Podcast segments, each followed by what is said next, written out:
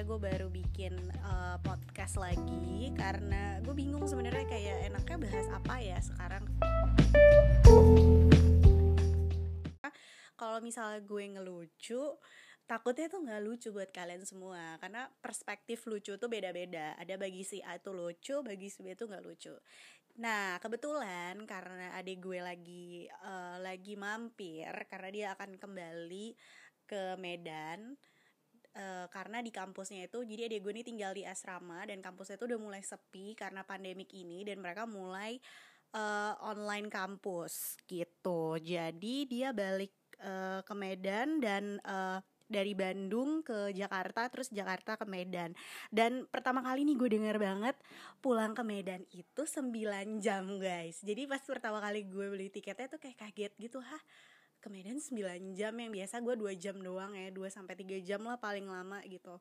Nah adik gue tuh di pandemik sekarang ini pulang. Nah buting denger kayak ngerasa banyak yang so tau kayak loh kok ade lo pulang sih? Kalau ngizinin ade lo pulang sih di era pandemik kayak gini? Kan dilarang mudik kan segala macam hey tenang aja karena uh, nyokap gue di rumah juga udah uh, melakukan apa ya persiapan preventif ketika adik gue udah nyampe nanti akan langsung disemprot dengan desinfektan terus emang udah disiapin satu kamar untuk dia uh, eh, self quarantine. Jadi buat semua yang mungkin denger dan sekarang mulai ngejudge kalau ngizinin ade lo pulang, um, untuk keadaannya biar gue yang tahu dan ini adalah kebaikan bersama. Makanya gue izinin pulang. Oke, langsung ada ada ade gue di sini. Hai. Hai semuanya. Jadi kita sebenarnya udah lama pengen bikin podcast karena emang kita basically berdua tuh anaknya bacot ya. Enggak, dia aja sih. Uh, ya aku aja yang bacot. Tapi adekku tuh uh, orangnya cukup kritis sih menurut aku ya. Ya maklum lah cewek-cewek Taurus. Hampir salah ngomong. Cewek-cewek Taurus kan emang gitu ya kayak pendiam-pendiam misterius gitu kan. Ya kan buat pendengar Taurus uh, Esther gimana perjalanannya? Gimana rasanya naik pesawat dari Bandung ke Jakarta? Uh, gimana ya? Rasanya kayak pengen tidur di pesawat terus eh ternyata udah sampai aja gitu. Ya gitu. Oh iya gitu. Gitu. Ya gitu aja udah sampai kayak kayak membalikin telapak tangan doang gitu. Hmm, emang tukang tidur juga kebetulan ya. ya boleh dibuka sedikit aja aibnya di podcast ini. Terus uh, gimana Esther nih udah mulai udah mulai hidup asrama kan dari tingkat satu. Terus dari gimana? Tahun 2019. Iya, ya, tahun lalu. Uh, udah berapa semester tuh? Dua semester ya? Ya, dua semester. Terus gimana pengalamannya uh, di asrama? apa apa culture shock yang Esther uh, lihat dan alami ketika pertama kali akhirnya uh, hidup asrama. Dari yang biasa dulu kehidupan SMA yang kayak uh, masih pure persahabatannya pertemanannya terus tiba-tiba kayak masuk di kuliah jauh dari orang tua ya deket ke gue sih. Cuman maksudnya kayak ya udah mulai hidup sendiri gitu ngurus diri sendiri. Gimana? Culture shocknya dulu deh dia yang sama. pertama kali aku tuh orangnya kan uh, ansos ya bisa dibilang ansos. Paling yeah. susah cari temen. Uh -uh. bingung nih aduh nanti teman aku siapa ya? Teman sekamar aku siapa ya? Aduh hmm. pas apalagi pas milih kamar itu aku random aja. Milih kamar itu random gitu. Maksudnya gimana? Di gudang nggak apa-apa gitu? Maksudnya uh, aku kayak ngerasa kamar aku Eh, tergantung angka. Kalau aku suka angkanya aku pilih kamar itu. Hmm, jadi gitu. pas itu aku suka angka 21 jadi aku pilih aja. Oh emang waktu itu semua kamarnya kosong oh iya kosong jadi aku tinggal pokoknya aku nengok hmm. 21 itu angka yang bagus ya udah. Hmm, Padahal hmm. ini lagi membangun citra anak sultan ya yang kayak gampang banget daftar kuliah kayak wah murah banget nih uang kuliah jadi lagi masih kosong yang daftar kuliah gitu yeah. ya. Oke, okay, jadi karena suka angkanya 21 yeah. akhirnya memilih kamar itu. 21.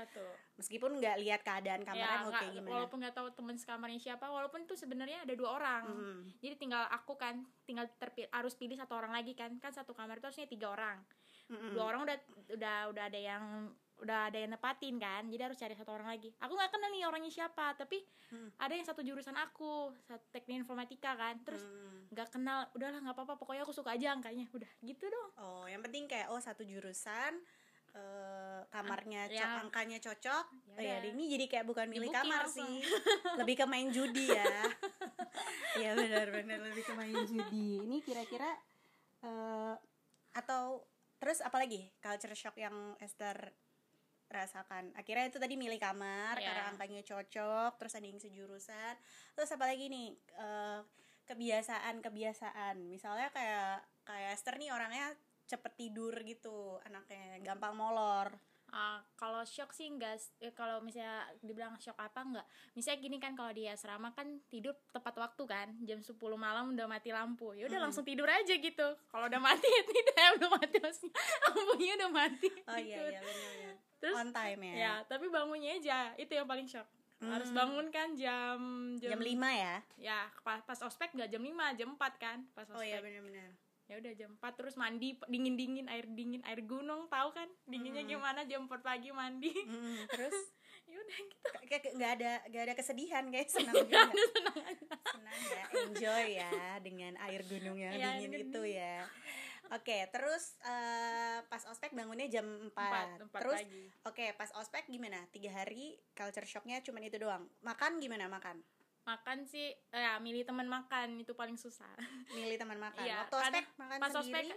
eh pas ospek bareng teman-teman ospek tapi karena aku orangnya kembali lagi yang ansos banget gak bisa Mm, milih teman. mm, kan aku sama temen se- sekamar aku itu beda beda kelompok ospek. Mm, mm. jadi aku bingung aku makan sama siapa ya? Terus aku juga nggak akrab sama kelompok ospek aku. Mm-mm. aku paling susah. Terus ternyata ada satu orang yang kayak welcome banget kayak ayo justify makan bareng jadi makan bareng sama dia gitu Oh, oke. Jadi untungnya dapat temen yang ngerangkul, yang yang, ngerangkul. ramah juga, ekstrovert lah ya. Ya. tapi awalnya doang tapi setelah itu udah nggak deket lagi kami Oh iya ya, tipikal introvert ya. Jadi kayak memanfaatkan keadaan. Oh ada temen aja nih yang penting. bukan gitu. bukan aku maksudnya dia yang nggak deket lagi sama aku gitu Oh, tapi dia sejurusan. nggak beda dia tapi masih suka ketemu setelah ospek. Ya sering ketemu tapi kayak nyapa doang udah kayak nggak akrab lagi nggak oh ya, kayak jadi kayak like ngajak makan stranger kayak- ya. Heeh. Oke, akhirnya ada teman makan dining. Nah, eh, itu kan tadi teman makan dining. Terus untuk menu makanan gimana? Menu makanan di kampus tercinta ya. By the way, aku di situ juga dulu kuliah guys. Jadi ya aku udah tahu sih menu makanannya. Aku pengen denger langsung aja dari mulut adikku ini. kalau menu makan sih udah biasa kan di rumah juga makan tahu tempe tapi kayak Mm-mm. terus menerus tahu tempe muak juga sih Iya kan? kadang ada ras terus karena yang masak juga berbeda-beda kayaknya sih ada tempe yang asin. Pernah tuh tempe asin ada yang kayak mentah banget. Terus ada yang keras banget tempe ada yang eh, tempe yang tadi siang di, di eh enggak yang tadi pagi dibuat malam sorenya itu lagi gitu. Jadi kayak gitulah. Oh, jadi eh, makanya udah biasa aja tapi karena terus menerus kayak nggak ada daging nggak ada ah, telur. Berarti apa tuh rasanya bosen atau kayak ya udahlah flat aja ini yang ada atau eh atau emang suka menikmati yang mana eh, bosan kadang-kadang maksudnya Bosan kayak kadang-kadang. netral lah kadang suka kadang enggak kalau susah lagi susah-susahnya ya makan dining ya Oh, terpaksa kan nggak ada uang. Kalau ada uang baru pesen umami. Oh ya ini disebut aja umami ya Umami. di endorse umami. Deket kampus emang eh, ya diantar juga free delivery. Terus eh, worth it banget. Iya iya iya iya. Eh, worth it banget ya. Seneng ya makanan. Emang sekali-sekali makan indomie. kebetulan umami isinya juga indomie indomie gitu isi ya telur. Iya. Porsi kuli omelet omelet aku suka omelet umami Ya. Terus eh, menu yang paling disukai di dining kampus tuh apa? maksudnya menu hari apa gitu Nggak harus hari sih menu. Iya boleh. Hari itu kan ya, ada ya. lauknya apa, Ya. terus sayurnya apa apa. aku sukanya hari sabat Iya, sabat benar pagi sih. hari sabtu pagi tuh Sabat pagi, eh, Pokoknya sabat siang juga enak. siang pokoknya pagi Hmm. siang sore itu enak pokoknya hari sabat itu paling enak Tapi sabat malam kadang kalau dulu aku ada Indomie. Oh kalau kami nggak kami mie goma Iu. mie goma terus ada uh, kolak kolak pisang aku kan paling suka kolak pisang sama Ubi. mie, ya ubi uh, kadang labu gitu dicampur pisang gitu lah Hmm, jadi suka menu di hari sabat ya, Di hari, Sabat. Sabtu. sama guys. ini hari Selasa pagi karena ada susu aku suka susu Oke. kan kalau Sabtu pagi susu Selasa pagi juga susu pokoknya kalau ada menu susu aku suka Hmm, kalau menu yang paling gak suka, kalau aku tuh dulu ada tahu injek namanya. Jadi tahu kuning kayak dihancurin Oh, gitu. iya iya iya Ya kan yang Terus bentuknya kayak gimana? benyenye Ya, itu gitu. juga ada yang warna kuning kan yang Iya, dia- iya, ya, aku iya. ada Suka nggak? Nggak terlalu aku karena itu kalau misalnya menu yang kayak gitu tahu itu dibarengin sama tempe jadi aku cuma makan tempenya doang. Oh kalau zaman aku tuh kayak nggak ada tempenya loh jadi ya, emang kami pure. kami diga- pokoknya tahu sama tempe. Terus sayurnya masih yang jamur itu? Ya itu masih ada jamurnya kayak Iya, iya, muntah itu- Rak, itu kayak muntah kan? Ingat Iya, kayak benar jamur. benar benar. itu Terus eh apalagi ya kayak kehidupan pertemanan lebih suka mana? Lebih memilih ini tanpa tanpa ada negatif ya kayak menjelekkan eh, satu sisi gitu. Lebih suka pertemanan SMA atau setelah kuliah? aku sukanya SMA Oke, di kuliah ini pelajaran apa dari pelajaran kehidupan apa yang Esther pelajari ketika udah akhirnya asrama apa-apa harus ambil keputusan sendiri terus eh, harus eh, belajar menyesuaikan sendiri juga gitu karena kita kan kalau di asrama tuh nggak hidup sendiri kan. Ya di kamar kita itu ada tiga orang di asrama kita itu ada berapa lebih Oh, banyak iya, lagi iya. gitu kan. Belum ada aturan-aturannya gitu. Iya. pelajaran hidup apa yang akhirnya Esther pelajari dari kehidupan berasrama ini? Apa ya? Pokoknya satu hal yang aku yang aku pelajari dari asrama tembok itu berbicara. Itu doang. Yang tahu tembok itu berbicara ya benar-benar jangan sembarangan ngomong terus kalau Mm-mm. terus jadi jangan- lebih hati-hati untuk Iya. ngomong kan Iya. gitu. Terus apalagi ya eh, akan menemukan banyak yang bermuka dua. Nah, banyak banget Jadi- mukanya. Iya ya benar. Jadi kayak di ada jual muka di situ Iya, ya. Iya. jadi lagi mukanya- diskon ya. lagi diskon mukanya ya. Terus terus? Ya udah gitu. Tapi emang gitu. Nanti di kehidupan yang sebenarnya juga akan ada yang kayak gitu Iya. sebenarnya. Kita nggak maksudnya eh, apa ya di kehidupan asrama itu paling nggak ada setengah dari perjalanan hidup kita ke depannya karena Iya. nanti kita ketika kita benar-benar hidup di soci- society di sekitar kita ini Hmm. pasti ada aja yang kayak gitu gitu Iya. yang yang mungkin jago banget beli muka kayak gitu Iya, kan kita nggak iya. tahu ya kan gitu mungkin kita yang nggak jago nggak jago dan nggak tahu beli muka di mana ya jadi kayak ngelihatnya ih kok dia kayak gitu ya Hmm. cuman akhirnya ujung-ujungnya kita sendiri jadi belajar lebih dewasa bener nggak? Ya betul. Ya itulah yang kurasain selama dia Eh, sama. jadi mulai ada acceptance pen- Ya. menerima kayak oh yaudah kalau dia kayak gitu gue gue jangan deh gue tetap jadi diri gue sendiri. Ya kadang gitu sih. Kayak Mm. kalau misalnya ada temen nih ngejelekin teman yang lain aku cuma aku netral nggak mau memihak satu ataupun memihak Hmm, satu. Aku hmm. jadi orang netral aja gitu. Tapi tapi ada tapinya. Netral netral banget juga nggak baik. Jadi ketika Esther misalnya tahu eh, ada satu ketika nih harus ngambil keputusan tahu mana yang baik mana yang enggak. Temen yang baik mana temen yang Iya. enggak kan. Esther kan tahu nih mana temen yang gue tahu nih dia bakalan jelekin gue atau gue tahu nih temen yang bakalan menjerumuskan gue ke hal yang Ya, buruk yang- gitu kan. mm. tapi jangan netral pada saat kayak gitu. Justru di situ Esther ambil keputusan oh gue tahu dia dia baik oh gue tahu dia kayak gini. Jadi gue akan berperilaku seperti ini kepada orang yang tidak baik dan berperilaku seperti ini kepada orang yang gue tahu dia baik. Sumpah gue dinasehatin guys. Nggak nggak bukan nasihat nanti maksudnya akan menemukan kayak gitu Ya, di ya. kehidupan Oke. the real life ini deh. Ya, ya. ngerti ya? Si oke oke. petua dari eh, dapur Mak Jani ya. Ya ya oke. Ngeri kan? Terus eh, mata kuliah gimana mata kampus oke suka. Oke oke aja. Hal terlucu apa di kampus yang nggak pernah Esther lupain selama dua semester ini? Hal yang lucu? Hmm, nggak ada sih malah stres. Mau kuliahnya jurusan teknik. Ya kan? Coding terus tiap hari? Coding ya coding. Tapi aku paling kesel nih temen nih kalau misalnya udah dibantu nggak mau bantu itu. Nggak Hmm. tahu diri itu paling nggak nggak nggak nemu hal lucu nggak ada nggak ada nggak ada hal lucu ya emang Karena aku orangnya- garing juga. ya garing-garing. Cuma kayak ngelawak malah di sana kayak ngejatuhi satu sama lain gitu loh. Oh itu Biar, eh, mereka kayak ngerasa itu lucu ngejatuhin tapi kayak aku ngerasa enggak sih. Tapi nggak tahu lah ya pandangan kalian. Kalau aku orangnya kalau jatuh sama sat- menjatuhkan satu sama lain itu aku ngerasa nggak lucu gitu. Oh maksudnya kayak jatuhnya membuli orang Iya, lain membuli, tapi- itu nggak lucu Iya. gitu. Jadi lucu tuh gimana menurut kamu?